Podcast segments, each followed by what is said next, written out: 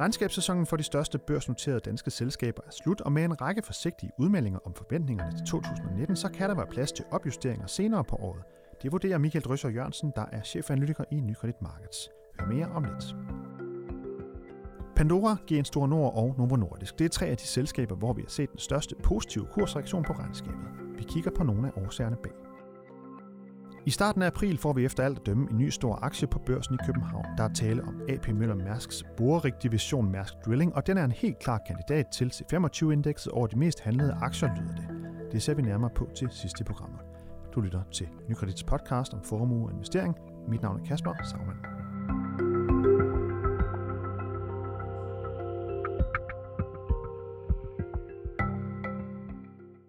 2018 det vil nok blive husket for blandt andet en øh, stor nedtur på aktiemarkedet i årets fjerde kvartal. Men hvordan står det egentlig til for de største børsnoterede danske selskaber, når man kigger lidt mere på selve driften af dem? Det er vi blevet lidt klogere på over, de seneste, over den seneste måneds tid faktisk, hvor de fleste af dem er netop kommet med regnskab for det forgangne år. I ugens podcast, der prøver vi at danne et overblik over og øh, dykker også lidt ned i nogle af selskaberne, og øh, endelig så kigger vi også lidt ind i fremtiden. Til at hjælpe os med at komme hele vejen rundt, så har vi fået Michael Drøscher, chef analytiker i Nykredit Markets, til at komme forbi her i studiet. Tak fordi du ville komme forbi, Michael. Velkommen til. Velkommen. Tak. Hvad tager du med for, ja du sidder jo og holder øje med, med de her store børsnoterede selskaber, som, vi, som de fleste af os nok kender, og C25-indekset er der, hvor vi har de, de mest handlede. Hvis vi tager sådan lidt bredt over regnskabssæsonen, hvad tager du med ud fra de udmeldinger og de tal, vi har fået fra, fra de største danske børsnoterede selskaber? Jeg tager det med, at det har, har været en blandet regnskabssæson. Øhm de store øh, C25-selskaber bredt set har jo sådan set leveret fin øh, fremgang, lige med undtagelse af, af, af banker, kan man sige. Så har der været bredt øh, fremgang øh, i både fjerde kvartal, men også 2018 samlet set, både på sådan salg og indtjening øh, bredt set. Så den her markedsuro, vi jeg lige nævnte i starten, det er ikke noget, der sådan har påvirket øh, så meget driften af de her virksomheder? Udover Nej, banker, altså måske? vi er jo i C25 faktisk også velsignet af, at, øh, at det er et fortal, som, øh, som reelt set er meget påvirkeligt af makroøkonomien. Der er selvfølgelig nogle, øh, nogle, nogle, nogle øh, selskaber, der bliver påvirket, men de fleste er sådan nogenlunde uafhængige øh, af, af markeds, øh, eller hvad hedder det, markedsuroen. Ja, for eksempel sådan noget som øh, de her øh, medicinalselskaber, også nogle, er vel nogle af dem, man typisk siger ikke er så påvirkelige. Ja, vi har jo en del i, i den defensive kategori. Der er nogle brøgerier, der er noget, noget pharma, der er noget medtech, som, som ikke bliver så påvirket. Men ellers må vi også sige, at det, det, det har været også en sæson, hvor at at guidance, altså ledelsens udmelding for det kommende år, generelt har været forsigtig. Øh, og der har jo været øh, forskellige alibier, som de har benyttet sig af. Øh, hvad er det for nogle? Jamen, der har jo været USA, USA-Kina-konflikten, der har været, vi har stadig usikkerhed omkring Brexit, som, som fylder. Vi har haft en række svage nøgletal øh, fra Europa. Øh, råvarepriserne har svinget utrolig meget. Så der, der er masser af faktorer, der gør, at det er svært at forudsige øh, fremtiden. Øh, og det har de jo så brugt som alibi. Også, også selvom nogle af dem måske ikke rigtig øh, kan bruge alibiet, men, men, men det er altså blevet brugt bredt, så der har været forsigtige udmeldinger. Og det betyder selvfølgelig også, at hvis, øh, hvis verdensøkonomien udvikler sig nogenlunde, som, som vores økonomer forventer, jamen, så er der plads til, til en række opjusteringer fra nogle af de danske selskaber senere på året. Det må vi se på. Når vi lige kigger bare lige på, øh, på selve, hvordan det gik med, øh, med kurserne, altså på, på, på dagene her, eller i løbet af den her regnskabssæson, så kan vi se, øh, hvis jeg ikke tager meget fejl, omkring halvdelen af, af aktierne, de, de faldt på, øh, på regnskabsdagen, og halvdelen steg. Er det ikke nogenlunde øh, jo, det, øh, det, det passer meget godt. Vi har haft cirka 50-50 på, der har været nogle, øh, nogle positive kursreaktioner og nogle negative. Og det har jo selvfølgelig været en blanding af, om du har overrasket på kvartalet, og hvordan der er blevet taget imod deres øh, selskabernes guidance for, for det kommende år. Og hvis vi tager en af dem, som øh, havde, øh, hvor vi så en rigtig positiv eller meget stærk øh, positiv kursreaktion, det var smykkeselskabet Pandora. De kom med regnskab øh, 5. februar, og øh, på, på dagen, der steg øh, aktien faktisk med hele 17,6 procent. Det er jo ikke så tit, vi lige ser det i blandt de 25 øh, selskaberne. Hvad, hvad skal man lægge i det, Michael? Jamen, nu er Pandora jo en af de øh, C20-aktier, som, eller C25-aktier, som, som svinger mest, kan man sige. Øh, det der bare er, er jo... Bare lige for at forstå, hvorfor er det egentlig, at den svinger så meget? Kan man sige noget om det? Jamen, der er jo meget usikkerhed omkring, øh, om, omkring Pandora. Øh, det har der været længe. Øh, det er svært at forudsige, hvad, hvad deres vækst bliver. Så har der været en periode med, hvor selskabet har været inde i... Ja, det var lidt det, det svingede lidt, hvor mange tal de egentlig ville oplyse. Så det var lidt svært for investorer og analytikere egentlig at finde ud af, hvad var væksten, hvad var den reelle vækst i deres slutmarked. Øh, så, så det har også bidraget til, til de store udsving. men, men altså, man sige, grunden til, at den steg så meget på, på tallene, det var jo egentlig ikke, at det var specielt godt.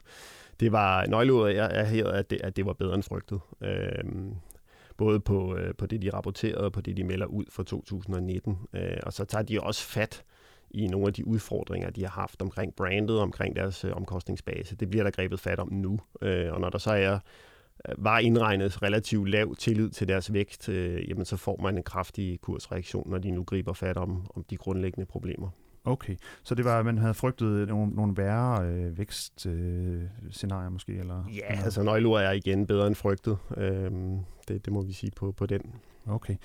Hvis vi, øh, jeg ved ikke, om der er så meget mere at sige til Pandora. Altså, jo, sagde de noget om, øh, ja, sådan, hvis man kigger lidt frem, øh, hvor, hvor meget kunne de sige der? Jamen, der er ingen tvivl om, at 2019 bliver også svært for dem. Øh, det her dårlige momentum, der har været i 18, kommer til at fortsætte øh, ind i 2019, så der kommer også til at være negativ vækst øh, i, i antallet af butikker.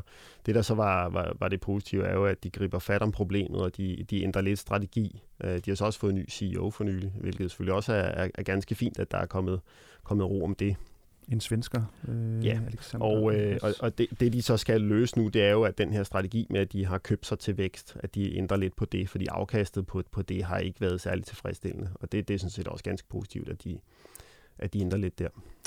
Hvis vi lige går videre til øh, et andet af de her selskaber, som, hvor vi så en, en positiv kursreaktion, øh, en dag en ret stor positiv kursreaktion, det var faktisk i går onsdag, hvor øh, GN Store Nord kom med tal, høreapparatproducenten, de, øh, der så vi en langt større organisk vækst end ventet. Aktien steg med, med hele 13 procent. Lad os lige prøve at høre, hvad det var, direktøren øh, René Svendsen Tune, han sagde til øh, Børsen Play i, øh, i den forbindelse. Kommer her. Så det er klart, at vi har haft en række gode kvartaler. Der er sådan lidt øh, succes, avler succes. Så der er et stærkt momentum internt i organisationen, og også vores medarbejdere har gjort et fremragende stykke, stykke arbejde. Så alt i alt så har vi fået et, øh, en stærk afslutning på 2018 succes, afløs succes og stærk momentum osv. Hvad, hvad er det, han mere konkret snakker om her? Kan du øh, hjælpe os lidt med det? Jamen altså, GN Stornords øh, forretning er jo sådan set del i to. Der er GN Hearing, og så er der GN Audio. Øh, hvis vi tager GN Hearing, øh, som jeg tror, det er det, han refererer til, øh, så er de lige nu i en fase, hvor at, at de har den nyeste produktplatform, og det er det, de skal udnytte. Øh, det er det, de har haft gavn af i 2018, det er det, de skal have gavn af her i 2019, og specielt nok første Og det, og det høreapparaterne? Ja, det er høreapparatsplatformen, øh, og det, det er specielt første halvår 2019, hvor de skal udnytte det momentum, fordi i løbet af, af 19 kommer kommer flere af de store konkurrenter også på banen med, med nye produkter, og den her produktlivscyklus øh, inden for høreapparater bliver kortere og kortere, så det, så det gælder om at få vækstmomentum, øh, eller udnyttet vækstmomentum her i, i starten af året og smide, mens øh, jernet er varmt, som Niels plejer at sige. Ja. Øh, men alligevel så siger han, øh, succes avler succes, og, det, det, og på den baggrund kan man jo godt sige, jamen hvis det gik så fantastisk osv., hvordan kan det så være, at markedet så bliver så overrasket som en kursreaktion på 13% stigning? Den, den vidner, alligevel, vidner alligevel lidt om, at man, man, man blev overrasket. Ja, men nu, øh, ja, aktien har, har, har ligget lidt svagt op til regnskabet. Nu var demand ude i, i sidste uge med nogle lidt aggressive meldinger, og det blev måske tolket... Deres konkurrent. Ja, deres store danske konkurrent. Øh, blev, blev nok, deres meldinger blev nok tolket som om, at der, kom, øh, eller der kommer mange produkter fra, fra demand, så, så det har skabt lidt uro. Og så på, på det andet store ben i, i GN Store nogle, altså GN Audio, øh, som er headsets øh, med videre, kommer de ud med en, en, øh, en forventet organisk vækst i 2019, som er langt bedre end det, der lå i konsensus. Og jeg tror, det er, det er måske primært der, øh, den store overraskelse øh, ligger.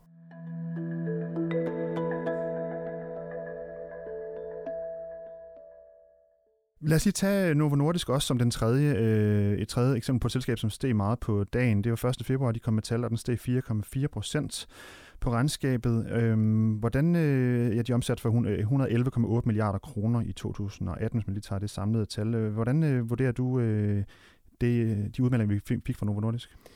Jamen, øh, udmeldingerne for, for, 2000, for, for 2019, øh, deres guidance, det er overrasket positivt, og, øh, og vi kan også se nu, at, at Novos øh, toplinje har sådan set ligget flat fra 16 til 18. Øh, og nu, øh, nu, det lyder da ikke helt øh, godt. Nej, men det, det har jo været, der har været forskellige produktområder, hvor at, øh, at, at der har været nogle udfordringer, både på priser og på, på nogle patentudløb og sådan noget. Øh, nu, nu står nogle år for en fase, hvor de kommer til at skifte niveau i væksten. De kommer til at vise positiv toplinjevækst i, igen og øh, deres guidance for, for 19 overraskede sådan set øh, positivt. Øh, det tror jeg også var en primær årsag til, at at øh, aktien steg på, på regnskabet. En anden ting var, at det her Ozempic, som der er deres nyeste GLP-1-præparat, øh, øh, solgte øh, væsentligt bedre end, end det, der var ventet. Så, så det, der overraskede positivt, det var de nye, øh, mere profitable produkter, og det, der skuffede, det var sådan lidt den ældre generation af produkter. Og, og det er jo de nye produkter, som man, som man ligesom holder øje med. Så, så, så det gode var jo, at det var dem, der drev væksten. Og et af de nye produkter, som man også holder øje med, det er det her, der hedder øh, semaglutid, som nu kommer i, i en pilleform her, øh, i hvert fald blevet på vej. Det er blevet sendt ind til noget godkendelse hos de amerikanske øh, sundhedsmyndigheder, kommer, øh, hvis alt går vel, på markedet i første kvartal øh, næste år. Børsen Play var, øh, var derude. Vi tager lige et enkelt klip mere fra dem, hvor øh, deres journalist øh, Lasse Ladefod prøver at, og spørge øh, Lars Fruergaard, som er direktør for Novo, omkring, øh, om han kan give os en lille øh, hint omkring, hvor meget de forventer, at den her, det her nye produkt det vil omsætte for. Lad os lige prøve at høre bare lige et kort øh, klip derfra.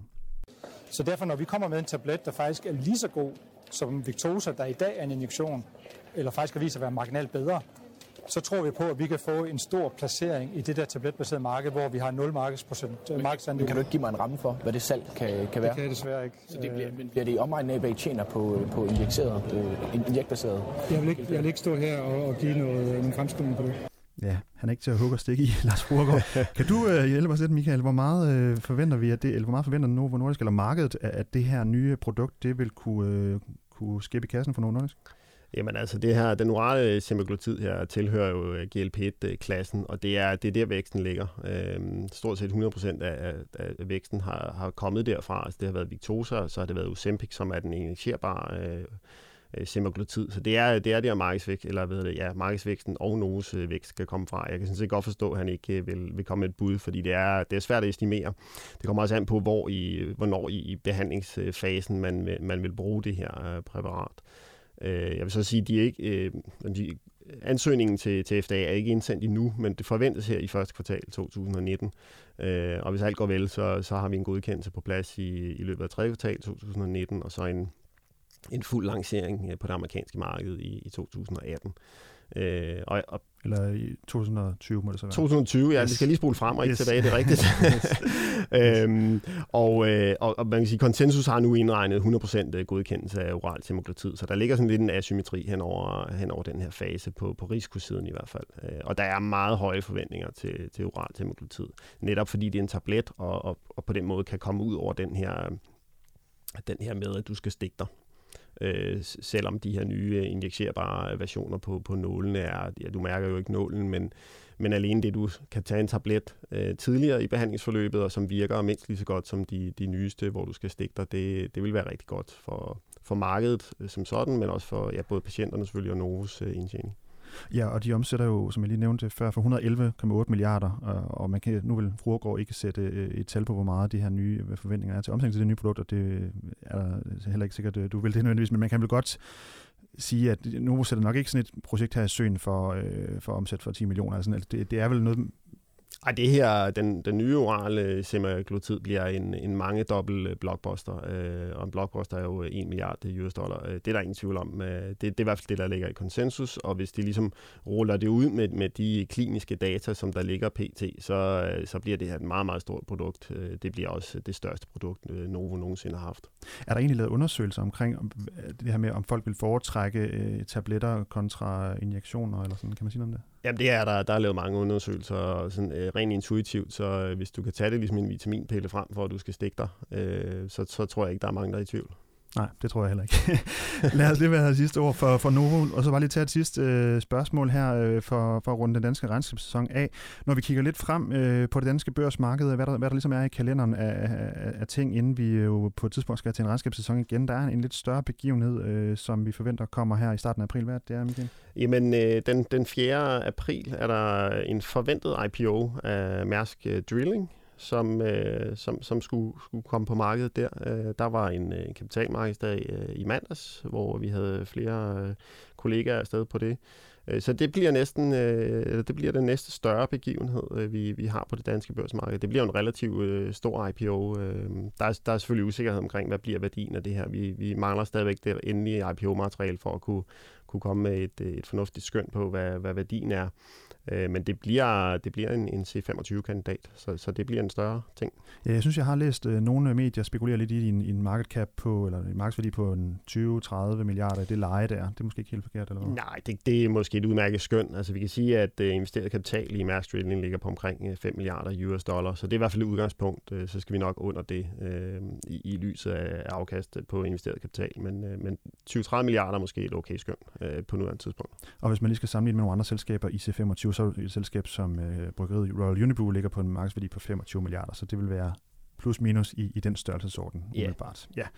Godt. Jamen, uh, tusind tak, fordi du kom, Michael, og fortalte os lidt omkring det danske aktiemarked, hvad der sker derude, og, og lidt omkring, hvordan det går med selskaberne. Tak, fordi du kom, uh, Michael Drøsser Jørgensen. Velbekomme.